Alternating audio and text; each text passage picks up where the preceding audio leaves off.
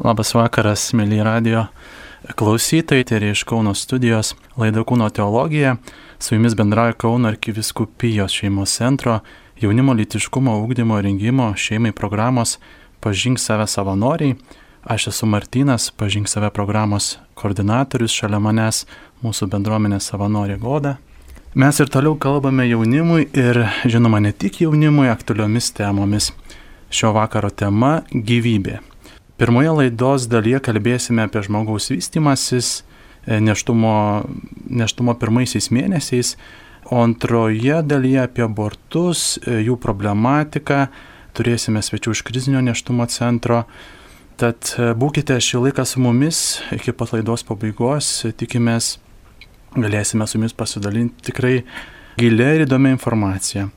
Būdami vaisingi esame atsakingi už tą brangų žmogų, su kuriuo pradėjome kūdikį, o kas jeigu jis nėra toks brangus?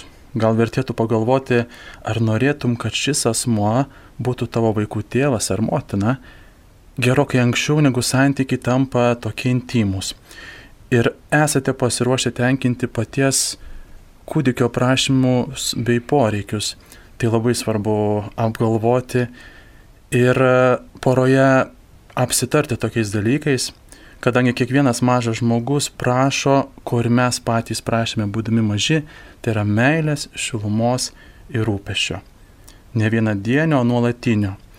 Kūdikiui reikia namų, kuriuose tarp jo tėvo ir motinos skleistusi taika, meilė, gražus vieno kito supratimas.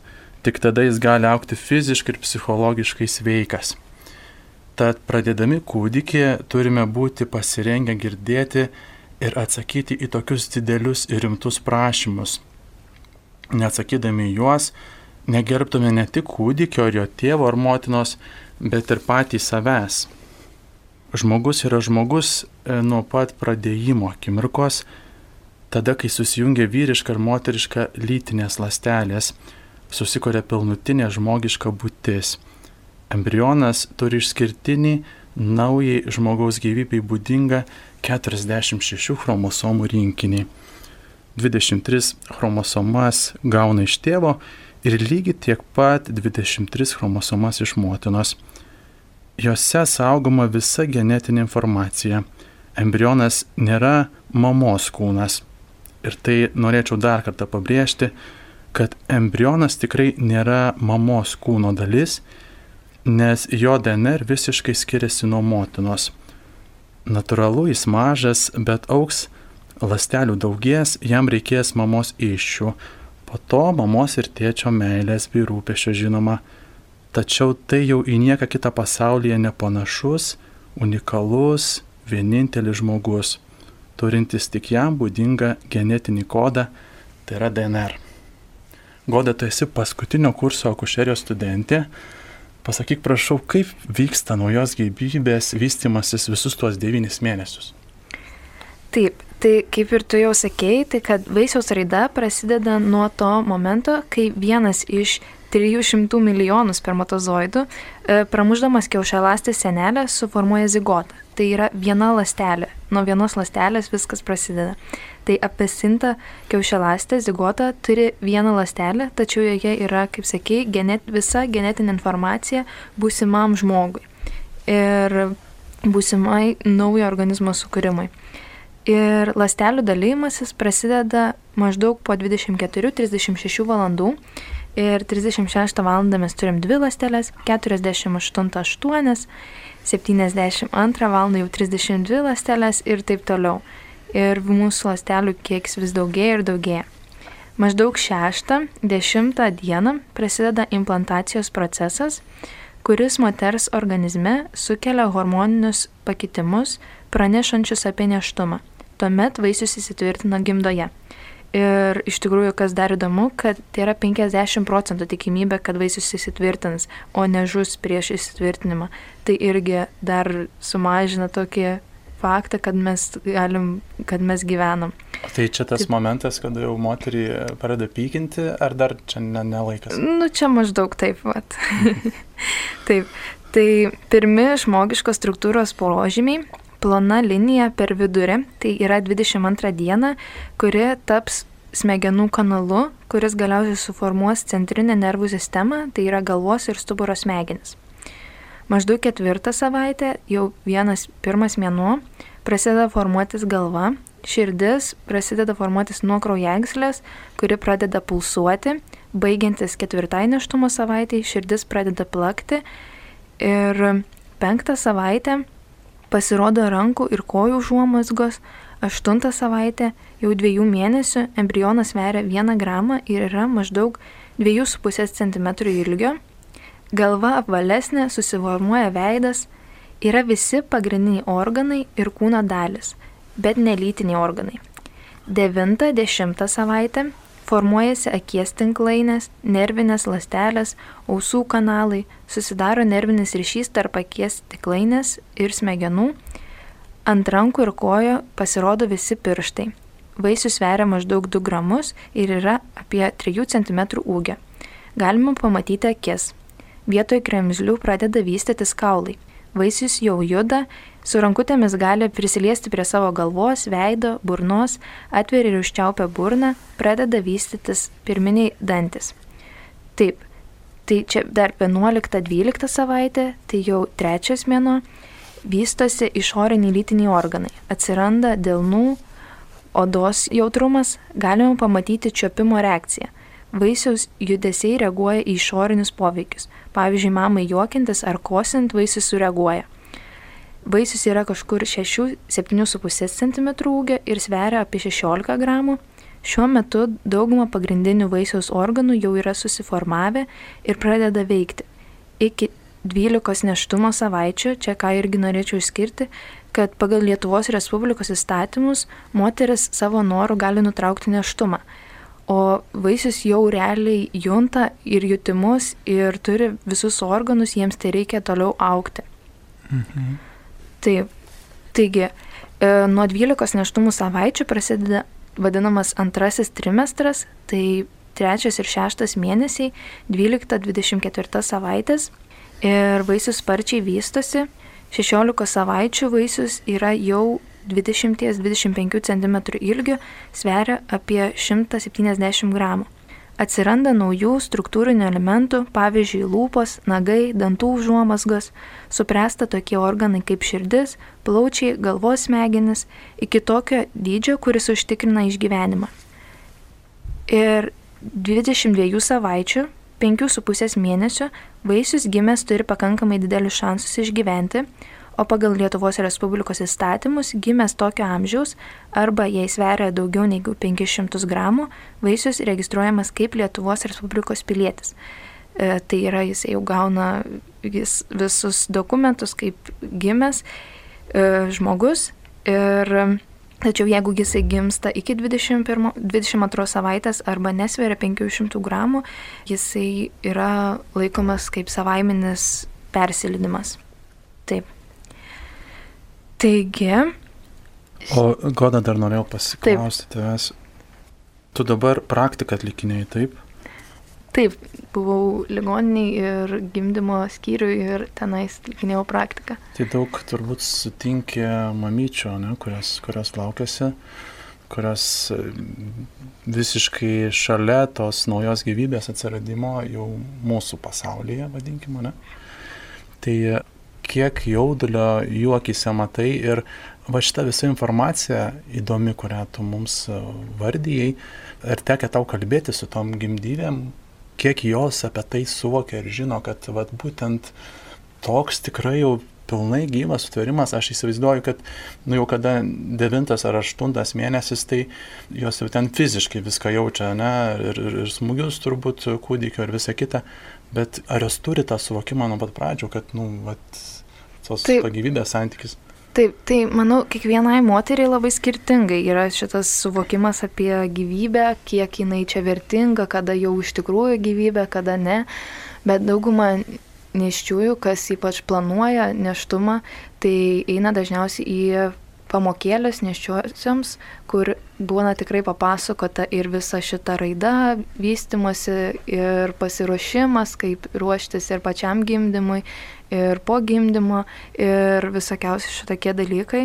Ir tas požiūris į gyvybę, manau, keičiasi kiekvienam amžiui skirtingai. Ir manau, netgi jeigu savo mamos paklausčiau, jinai tikrai 19 metų ne, negalvoja taip pat, kaip dabar galvoja apie gyvybę. Ir Taip, tikrai ne, nėra taip, kad pasakytum, kad taip visas moteris vertina gyvybę ir joms tai yra labai wow ir labai svarbu, kitams yra tiesiog labai nesvarbus dalykas, kaip turėjau irgi tokią nemalonę patirtį, kaip teka būti operaciniai ir padėti anestesiologams, darant nejautrą prieš abortą. Ir aš iš pradžių net nežinau, kad tai abortas ir mes per 30 minučių kažkur padarėm su medikais tenais du abortus iš eilės ir tenais moteris taip pakeitėm, pervežėm, sutvarkėm viską ir ta procedūra trunka 15 minučių ir kai paskui po procedūro aš paklausiau sesutės, kas čia įvyko ką tik ir jinai pasakė, tai čia vad vaisiaus pašalinimas iš gimdos, nu tai ką dabar vaisių pašalinam greičiau negu nagus sutvarkom. Tai, nu, toks labai nemaloni patirtis. Ir paskui, kai aš praėjau dar pro palatą, kai parvedėm jau antrą pacientę e, po šitos procedūros, kita jau stovėjo apsirengus ir klausė, tai kada galiu išeiti. Čia gal buvo 15 minučių po, po šitos procedūros. Tai Vat sakau, visiškai kitoks yra tas požiūris ir yra, sakau, moteris, kurios eina į pamokėlės, ruošiasi tam labiausiai, pergyvena dėl to ir išgyvena ir joms kiekvienas ten judesys baisiaus ir kiekvienas žinojimas, kad vaisius dabar širdutė pradėjo plakti ar dar kažkas yra labai svarbus momentas. Tai toksai irgi labai mhm. skirtingas tas. Taip, apie, apie bartus, mėly radio klausytojai, mes po pertraukos dar daugiau kalbėsime su šio vakaro laidos svečiais. O toliau iki pertraukėlės dar šiek tiek norim jums papasakoti apie patį, pačią gyvybę ir, ir aplamai su santyki su ją. Ir mūsų pažink save lėtiškumo augdymo programos viena iš misijų tai yra tos gyvybės branginimas ir tų vertybių, krikščioniškų vertybių, kurios brangina gyvybę, skleidimas jaunimo tarpe Ir um, dažnai lankome mokyklas, kada su paaugliais kalbame apie tai ir netgi turime savo programoje tokius unikalius uh, muležus, kurie yra tam tikro, kaip sakyt, amžiaus, kaip čia. Dydžio, jo. jo. Dydžio amžiaus, uh, vaisius. tam tikrų savaičių vaisius yra, tokie kaip muležai maketai, tam tikro konkretaus svorio ir, ir, ir ūgio. Ir um, visi jaunoliai turi galimybę juos pačiupinėti, pakilnoti.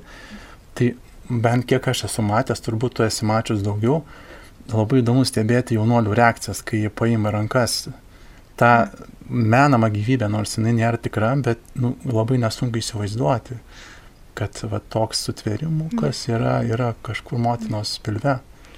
Apskritai, mokyklose per biologiją nėra tokių pamokų, kad pasakotų, kaip vaisius vystosi gimdoj dar prieš gimstant ir kiek paklausiu moksleivių, tai būna pirmi vos ne žmonės, kurie papasakoja, kad šitokie dalykai vyks dar prieš gimstant. Ir dauguma net nežino, kad taip iš vis įmanoma ir atrodo ta gyvybė toks, nu, gimė, atsirado ir viskas. Ir su tais muležais, maketais irgi irgi visai būna visokiausių reakcijų. E, vieni labai džiaugias, mergaitės gal labai įdomiai reaguoja, vienas glaudžias prie savęs tenais glosta, džiaugias, o kitos bijo net paliesti. Tai irgi, vat, irgi kaip skirtingai tas toksai pasižiūrėjams. Vaikinams irgi būna labai labai įdomu tenais pačiupinėti, kas pagarbiai, nu, gal tie muležai, bent man toks atrodo, kad parodo pagarbą, kiek tu gerbi gyvybę, mhm. nes vieni ten permet per rankas, kiti labai gražiai švelniai perdod viens kitam. Ir irgi tenais yra muležiukas toksai mažas, dar 12 savaičių. Ir realiai iki 12 savaičių tai jį tokį su visais beveik organais galima abortuoti. Ir kai tu vaikams rodai šitą, tai tikrai būna šokas, nes jau viskas matos, visas rankytės, kojytės, jisai susigūžęs toksai ir, ir tas irgi labai toksai gazdinantis vaizdas, kad nu, šitokie jau realiai gyva, kaip ir žmogų, tik mažą dar, galima tiesiog atsisakyti jo, lyg jisai nebūtų kažkoks lastelių darinys, o ne gyvybė. Aišku. Iš tikrųjų, aš galvoju, vat, kodėl taip skirtingai paaugliai reaguoja ir elgesi su tais mūsų muležais. Ir čia turbūt neišsiplėsime, nes e, reiktų, reiktų atskiros temos apie vaikų psichologiją ir dėl ko visa tai vyksta, kur tos priežastys, neišvengiamai tos priežastys yra auklėjime nuo pat mažumės, nuo pat, nuo pat jaunystės. Ir galėtumėme čia daug akmenukų mėtyti į tėvų daržus, bet e, šiandien laida ne apie tai, tai, jo, tai daug tai, to ir nedarysim. Taip, tai aš dar gal visai norėčiau papasakoti apie kaip tas vaisius toliau vystos, nes aš čia taip papasakau iki, iki iki šešto, šešto mėnesio kažkur, tai irgi kokie dar įdomus dalykai irgi vyksta per paskutinius tris neštumo mėnesius. Tai paskutiniai trys neštumo mėnesiai, 7-9, yra tokia baigiamoji fazė, kur visos organų sistemos sparčiai bręsta, e, paruošia, pasiruošia galimybę vaisiui gimti. Ir septintą mėnesio pabaigoje vaisius sveria apie E, kilogramą su pusę, e, kilogramą 700 gramų, o jau ūgis siekia, e, siekti gali netgi 43 cm, tai jau visiškai didelis vaisius ir sparčiai bręsta nervų sistema, jau gali būti valdomas kvepavimas ir reikimas, vaisius jaučia prisilietimą ir skausmą, Taip, gali netgi mimikas rodyti, visokius veido išraiškas, galvos judesius, sukinėtis. Čia dažniausiai irgi vat, kažkur 18 savaitę e, moteris pradeda jausti vaisius judesius. Tai irgi būna labai svarbus, svarbus momentas neštumo laikė. Taip, tai aštuntą mėnesį tai didžiąją dalį svorio augimo paaiškina tas podinis sluoksnis riebalinis, tai skaitos, kad 8 mėnesį vaikas augina riebalus, kad galėtų saugiai ir minkštai per mamos gimdymo takus išlysti. Ir vaisius jau gali atsimerkti, mato šviesą, jeigu mama yra stovi saulėje ir mato, kad tamsu, skiria jau šviesą ir tamsą, tai irgi labai svarbu, pradeda girdėti, tai irgi svarbu bendravimas, netgi dar esant irgi gimdoj, jisai paskui gimęs atpažįsta geriau tėvų balsus, ypač mamos, tėčiai žinoma irgi. Ir tas devintas mėno tai jau toksai irgi jau, kas anksčiau gimsta, kas vėliau, bet irgi visas vaisius augina savo, savo masę ir vystosi toliau smegenis, visi organai, kad toliau galėtų gimęs išgyventi. Labai svarbus yra kvepavimo irgi, irgi procesas, nes e, dar nuo 22 savaitės, kaip sakiau, kad jau gali vaisius išgyventi, irgi yra labai sudėtinga, kad jis išgyventų, nes jisai pats dar negali kvepuoti ir gimė neišnešioti vaisiai, neišnešioti vaikučiai, tai jie turi būti prijungti prie daugybės, daugybės aparatų, kad galėtų, galėtų išgyventi. Bet šiais laikais tai labai labai džiugu, kadangi medicina yra labai patobulėjusi šituo klausimu ir išgyvena tikrai, tikrai labai mažiukai. Atrodo, dėl nuosėd į du delnus paimsi vaiką, kuris nu, visiškai, visiškai atrodo silpnas, bet jisai išgyvena ir užauga labai stiprus vaikas. Tai, tai aš, aš buvau iš tikrųjų ir, ir vienas iš liudininkų savo bičiulio mergytės, kuri gimė nepilnai 22 savaičių ir e, Dievo malonės dėka tikrai išgyveno ir dabar yra visiškai pilnai išsivystęs, e, fiziškai sveikas vaikas, kas yra tikra palaima ir, ir, ir dievas, Dievo šlovės e, akivaizda. Tai ačiū jam už, už tokius stebuklus, kurie tikrai vyksta mūsų visai artimoje aplinkoje. Tai linkėjimai Raimondui, jeigu jis klauso šio vakaro laidą, linkėjimai jo dukrytei. Na, o mes padarysime trumpą pertraukėlę. E, mėly radio klausytojai, neišjunkite savo radiumtuvų, netrukus sugrįšime, o eterėje skambės jaunimo dienų himnas Aš negaliu tylėti. daugiau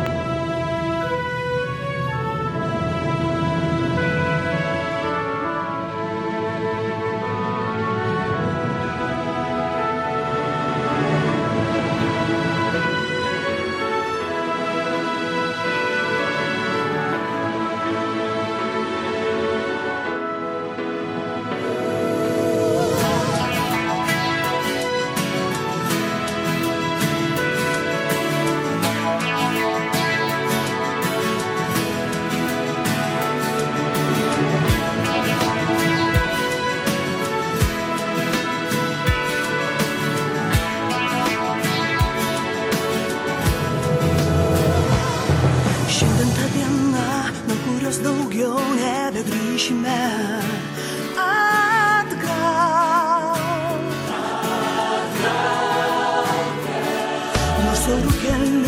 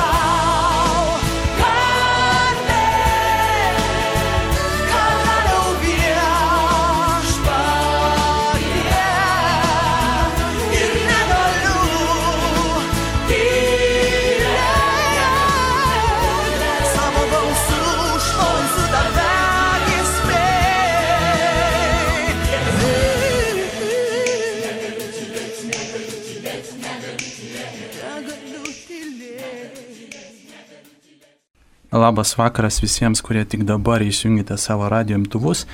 Etrija laido, laida Kūno teologija ir Kauno arkiviskupijos šeimos centro jaunimo litiškumo ūkdymo rengimo šeimai programos Pažink save savanoriai. Šio vakaro temos pavadinimas gyvybė. Na ir prie mūsų po pertraukos prisijungė krizinio neštumo centro konsul- konsultantė ir koordinatė Jūratė. Labas vakaras. Ir savanorė Margarita. Labas vakaras. Labas vakaras.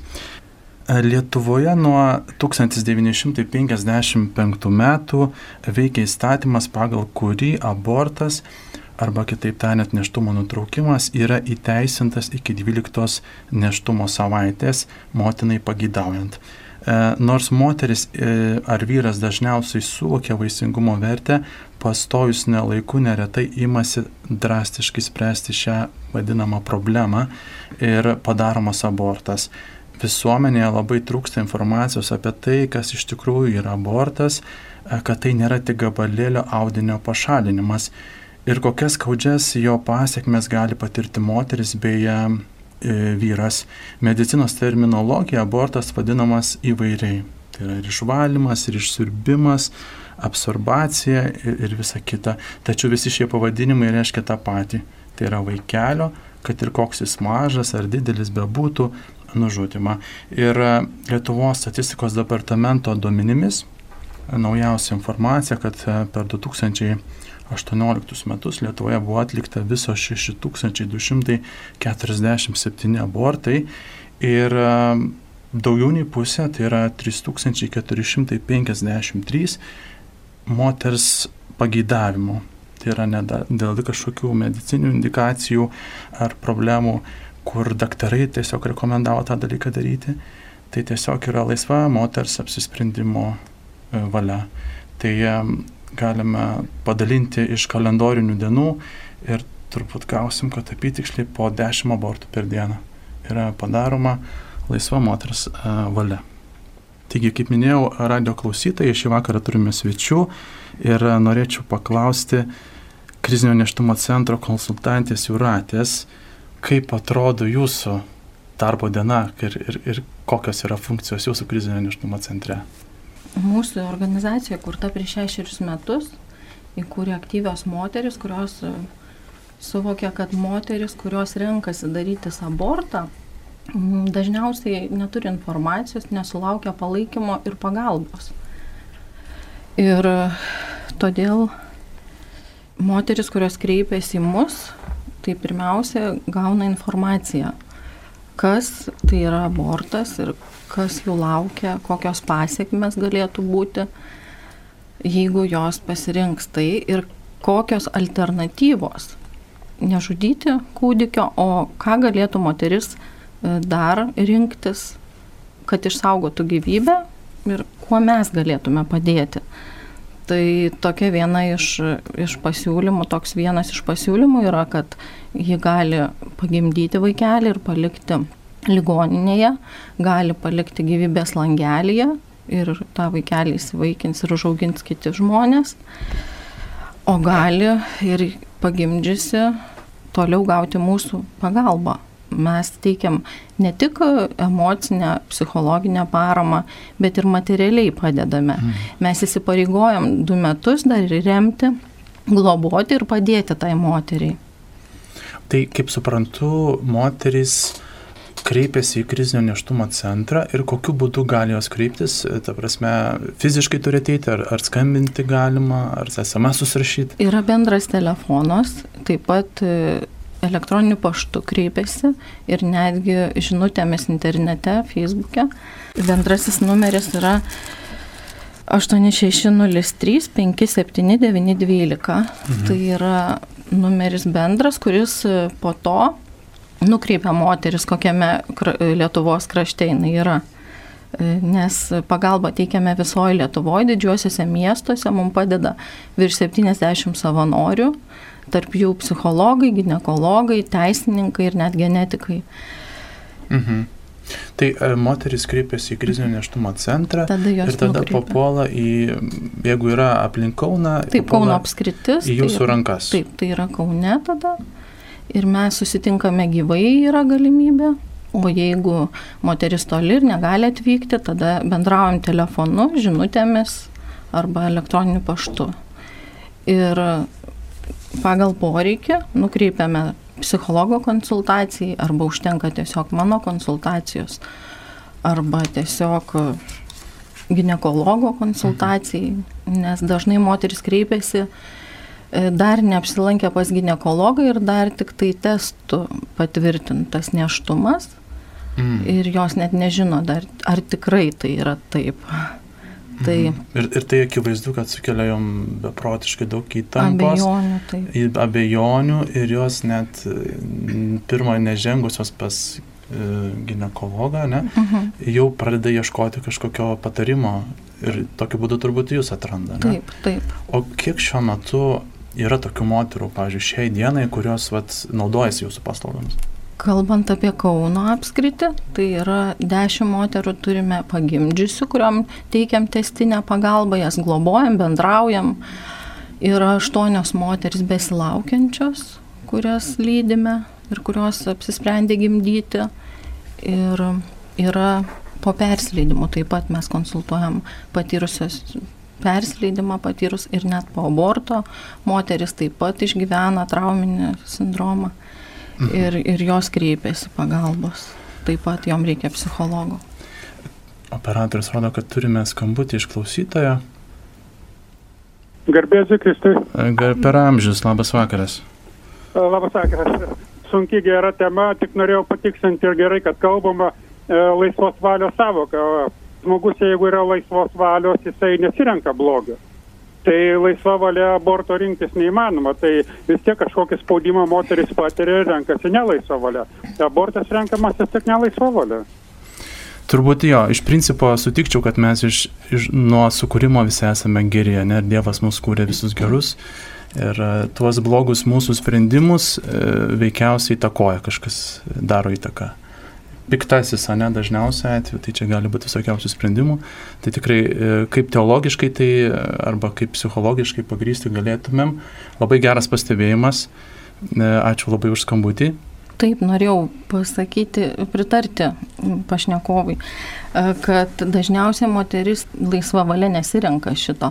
Jis dažniausiai yra prispausta tam tikrų aplinkybių arba artimųjų nepalaikoma jinai yra, jaučiasi vieniša, nesaugi. E, dažniausiai tai ir yra pasitikėjimų grįstų santykių su vyru, nuo kurio laukėsi stoka, arba jo neigiama reakcija, nepalaikymas, netgi spaudimas darytis abortą, kitaip dažnu atveju yra sakoma, aš tave paliksiu, jeigu tu gimdysi, arba aš neauginsiu arba grasinama, kad iš, išvys iš namų, net būna tokiu atveju.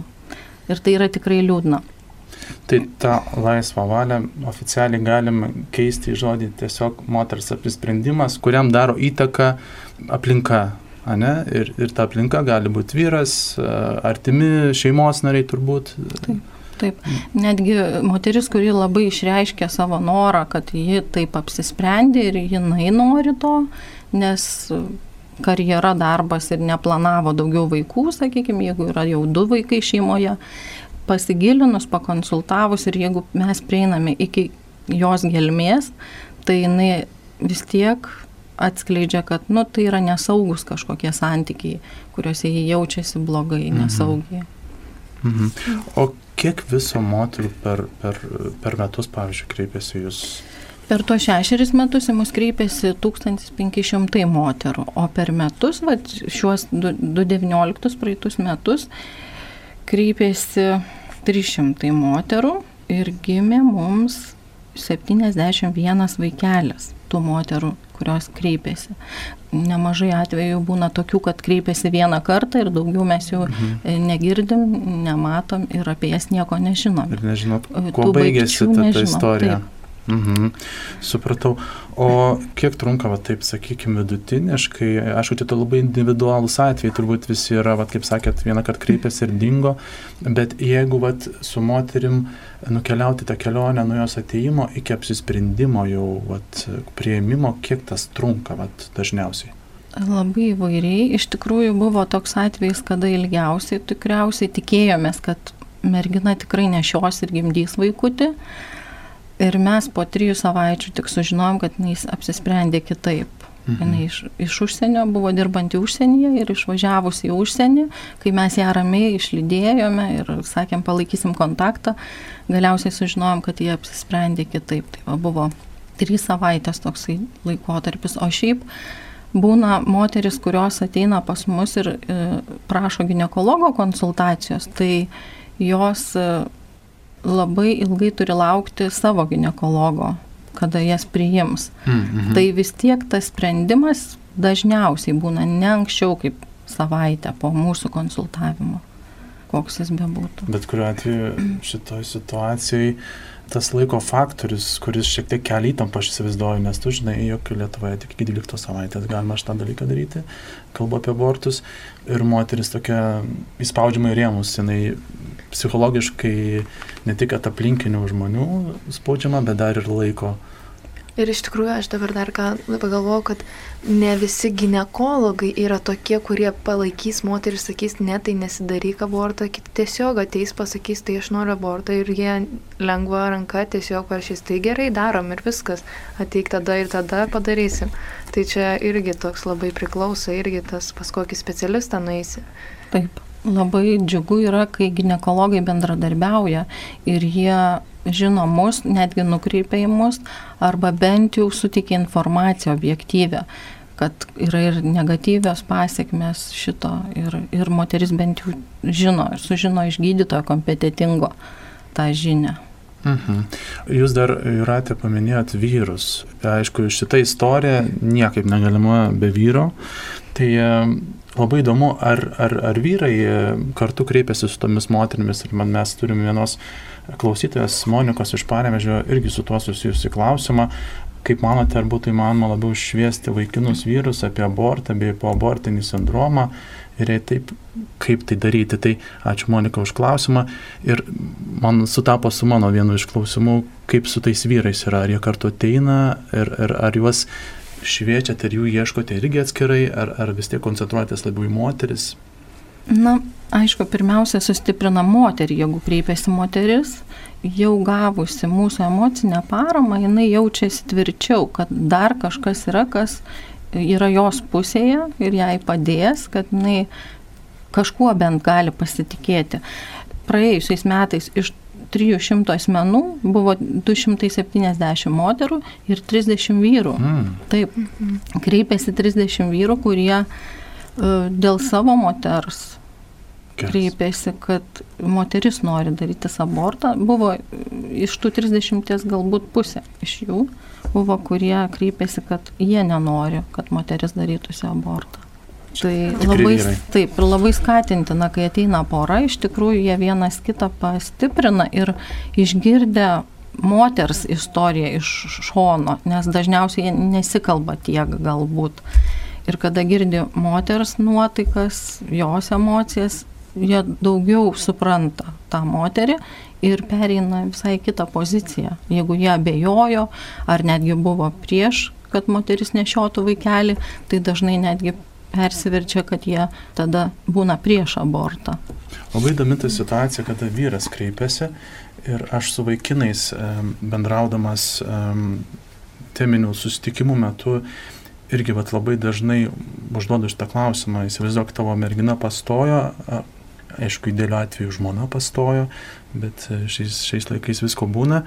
Jaunimo tarpe, tai ir ką tu darai, ir jeigu jis nusprendžia, vat, e, arba linksta link aborto pasirinkimo, kaip tu, kaip tu elgsies ir, ir, ir kiek yra tavo rankose galios tą dalyką sukardinti, tai vat, e, įdomu, kaip tos istorijos baigėsi, ar jiem iš tų 30 ar kiek ten tų vyrų, kur minėjote, ar, ar žinot, kad sėkmės tuo atveju, ar, ar, ar pavykdavo tas moteris pakreipti atgal į tą, tą tiesos pusę? Taip, mes turim tokių atvejų. Ir šiuo metu turiu vieną besilaukiančią porą, kurie atėjo abu. Ir buvo tokia situacija, kad vyrukas labai palaikė savo merginą ir e, labai ragino tuoktis, o jai buvo neramu ir jinai labai didžiulį stresą išgyveno dėl neštumo, nes jis neplanuotas, jos planus sujaukęs. Tai labai smagu, kad abu sudalyvavę konsultacijų jie išėjo tikrai stipresni ir aš kaip konsultantė palaikiau vyro poziciją ir mes tarsi sustiprinom abu tą merginą. Bet jūs turbūt pritarsit, kad šituo atveju nu, vyrams sunku irgi yra labai, ne? Taip. Tikrai labai sunku yra ir kada nu, tu nežinai, ko griebtis, konsultuojasi su, su visais išėlės ir, ir, ir, ir tu gali stengtis, bet, nu, moteris, jeigu kitų moteris tiesiogiai neprieisi ir, ir nebandysi su jie padirbėti, tai, nu, vis tiek, kaip sako, tu nes žmogaus uždarytogi nelaikysi, visada jis, jis gali kažko paklausyti ir nueiti į kliniką kažkuria ir, ir viskas baigsis. Taip, čia vyrų labai yra toks bejėgiškumas jaučiamas, kad moteris tarsi turi teisę į savo kūną, nors tas vaikelis jau nebėra jos kūno taip, dalis taip, taip, realiai. Ir labai liūdna, kad, kad vyras neturi didelės teisės čia spręsti. Jūratė, mes turim Jums klausimą tiesioginį iš mūsų vienos klausytojos, kaip suprantu, jei moteris netoli 40 metų ir gynekologai siūlo abortą, nu nes per sena, vadinkim, gimdyvė ir ne vienas atvejis toks pasitaiko, bet ir klausytojas nuomonė, tai ką jūs tokioje situacijoje parekomenduojate? Labai liūdina tokie atvejai, nes mūsų moterų tarpe yra tikrai ir 40, ir perkopusių 40, ir jos pagimdo sveikus, nuostabius vaikus ir džiaugiasi motinystę, atjaunėja. Mhm. Aš pati gimdžiau 39 savo vaiką paskutinį. Mano mama pagimdė dabar 43, tai aš dabar turiu sesę, labai džiaugiuosi. Smagu. Iš tikrųjų, tai e, visiems klausytėm patarimas, tikriau priminimas, juk visi mes tą dalyką žinom, reikia didesnio pasitikėjimo Dievu, mes kažkaip tokiose situacijose, lyg ir tikim, pasitikim, bet vat, atsiranda kažkokios krizinės situacijos ir mes pamirštam, kad jis yra. Ir, ir tada tas pasitikėjimas kažkoks ir tikėjimas susilpnėja. Tai tikėkim, pasitikėkim, tikrai yra tie stebuklingi atvejai, kada mažylį gimsta kur kas anksčiau negu reikia, kada gimdynės nėra 20 ir, ir pagimdo, būdamas jau su gyvenimiška patirtim labai sveikų ir gražių vaikų. Tai pasitikėkime Dievu ir visada būkime už gyvybę. Dar vienas iš tokių klausimų jums paskutinių pasiekmes. Neišvengiamai pasiekmes, pobortiniai sindromai, kurie kankina moteris, neišvengiamai ir vyrus veikiausiai, fizinės pasiekmes, kiek apie jas šiek tiek vadžinot, būtų gerai pasidalintume.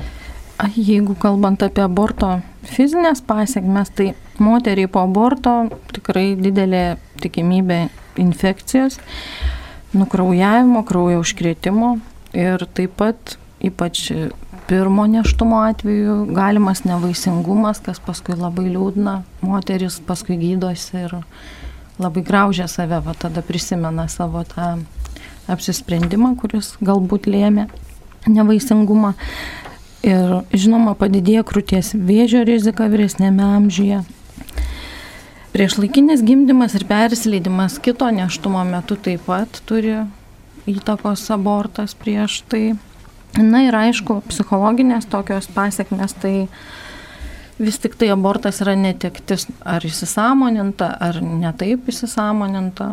Ir pasąmoningai veikia moterį. Ir tai tikrai duoda tokį depresiškumą didesnį.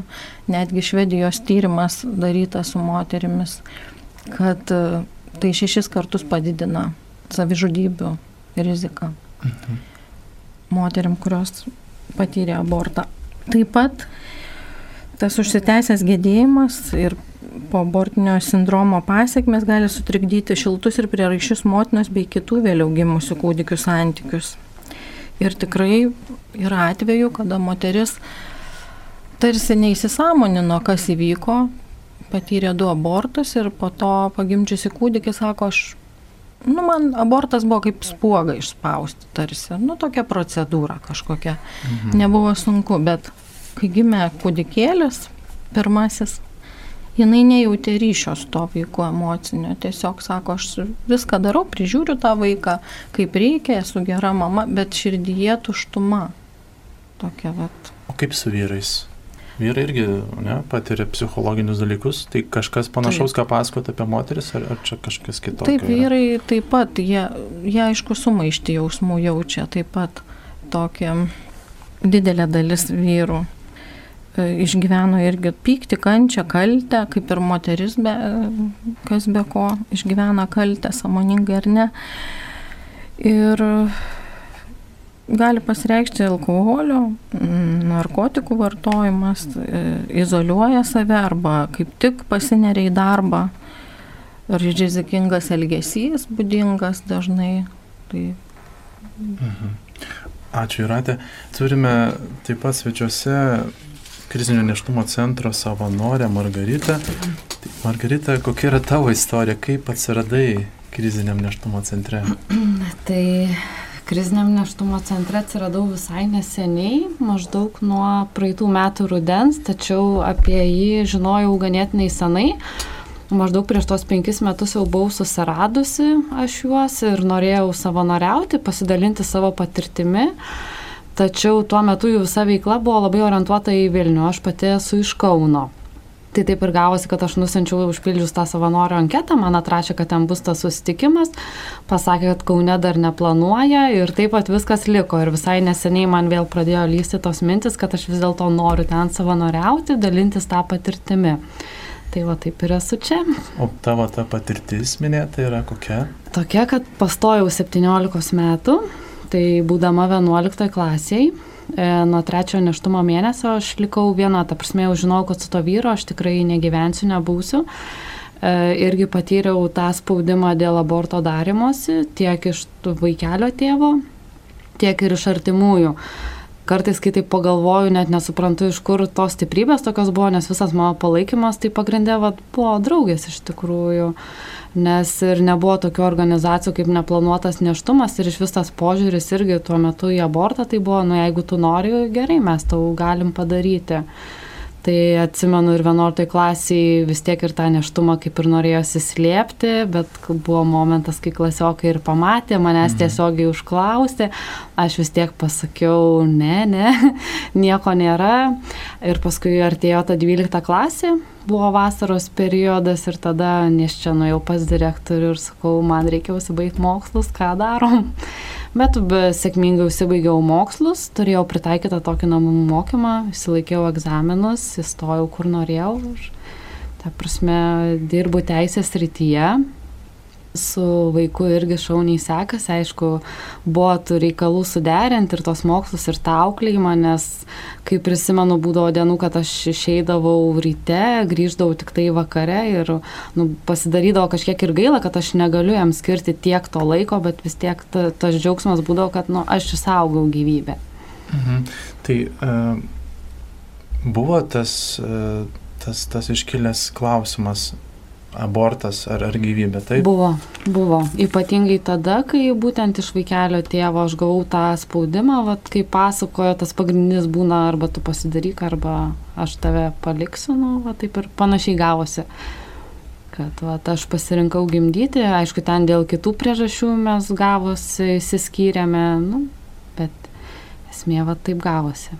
Mhm. Bet tas pats pasirinkimo momentas, apsisprendimo laikotarpis, ar jisai, kiek jis buvo sudėtingas ir ar tikrai va tiesiog mm, pastojai ir tu jau jauti, kad nu, tikrai niekam jau jo netiduosiu, kad ir ką čia man tas mano draugas. Tai sakys. buvo, buvo tas momentas, kai tikrai jau buvau ir paslydus ir tarsi jau buvo mes ir susiderinę, kad va jau čia ir einam konsultacijos mhm. ir darytą išvalymą.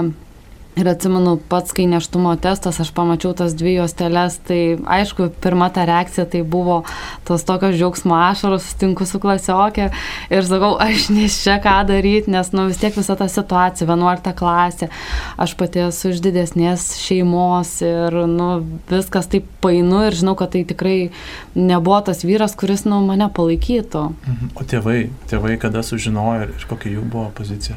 Mama, tai iš pradžių irgi buvo už iš, išvalymą. Mhm. Išvalymą, paskui irgi kartais kalbėdavo, kad e, gal palik ligoninėje, kai pagimdysi. Nu, bet gaus taip, kad aš užsispyrus grįžau su juo ir pa, taip ir gyvenam. o dabar kaip džiaugiasi mama, tėvai džiaugiasi savo anūką turi. O gali ar džiaugiasi, džiaugiasi, be abejo. Labai šaunia istorija. Graži sėkminga istorija. Ir Juratė, kaip supratau, tokių istorijų yra ne viena. Mm. Taip.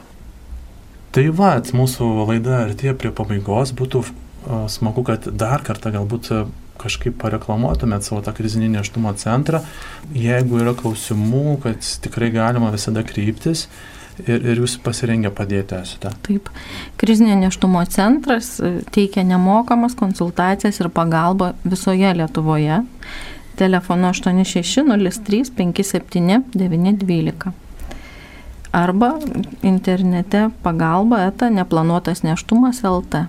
Tai vad, o jeigu jūs esate tarp, tarp tų žmonių arba galbūt e, jūsų artimųjų rate yra žmonės, kurie vis dėlto pasidarė abortą, noriu informuoti, kad yra specialios rekolekcijos tokiems asmenims e, Kauno šeimos centre Rachelės vynogyno rekolekcijos, kuriuose tikrai galite sudalyvauti ir, ir kurios vyksta, ir kuriuose tikrai dalyvauja nemažai moterų ir vyksta stebuklai, pasveikimai.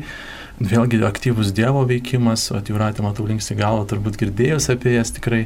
Taip mes nukreipiam moteris į šitas rekolekcijas. Ir taip pat mūsų centre organizuojamas grupės, paramos grupės, kur moteris su panašia patirtimi renkasi dalintis tiesiog, ne, ir sveikti tokiu būdu. Labai smagu. Kągi laida prieartėjo prie pabaigos, e, tad noriu visiems klausytojams priminti, kad daugiau informacijos galite rasti Facebook platformoje Pažink save litiškumo ugdymo programa arba kreiptis elektroniniu paštu pažink saviukai eta gmail.com. Na, o su jumis šį vakarą buvo jaunimo programos Pažink save savanoriai bei svečiai iš krizinio neštumo centro. Tad ačiū Raitė ir Margaritai už viešnagę. Likite su Dievu.